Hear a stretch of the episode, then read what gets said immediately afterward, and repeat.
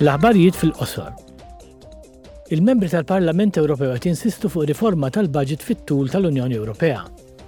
Lan huwa li jkun hemm rispons aktar effettiv għal ħtiġijiet li qed jevolvu, li jiġu indirizzati l-lakuni fil-finanzjament u li jiżdiedu l-flessibilità u l-kapaċità ta' rispons waqt kriżi.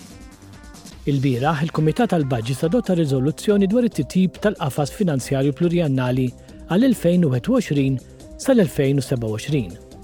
Skont il-membri, il-baġit fit-tul ta' bħalissa mhuwiex mgħammar biex jirrispondi b'mod effiċjenti għal għadd kbir ta' kriżijiet. Huwa proprju għal din ir-raġuni li l-Kummissjoni Ewropea għandha tirrevedi l-qafas finanzjarju pluriennali. Nhar it-Tnejn se tibda sessjoni plenarja ġdida fi Strasburgu. Il-membri tal-Parlament Ewropew se jiddibattu u jivvutaw fuq il-protezzjoni tal-infrastruttura essenzjali. Huma se jiddiskutu regoli ġodda biex jiżguraw parità bejn il-ġeneri fil-bordijiet ta' kumpaniji elenkati pubblikament.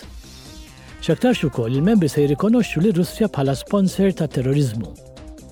Fuq l-aġenda hemm ukoll suġġetti bħal, pereżempju, relazzjonijiet bejn l-Unjoni Ewropea u ċ-Ċina, kif ukoll strateġija ġdida għat-tkabbir.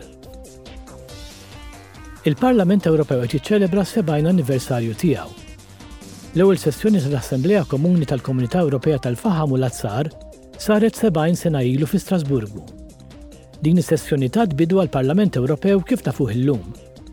Matul is-snin, sitt pajjiżi Ewropej kibru f'unjoni ta' 27 stat membru li rawmu d-demokrazija, id-drittijiet fundamentali, l-istabbiltà u t-tkabbir tal-ekonomija.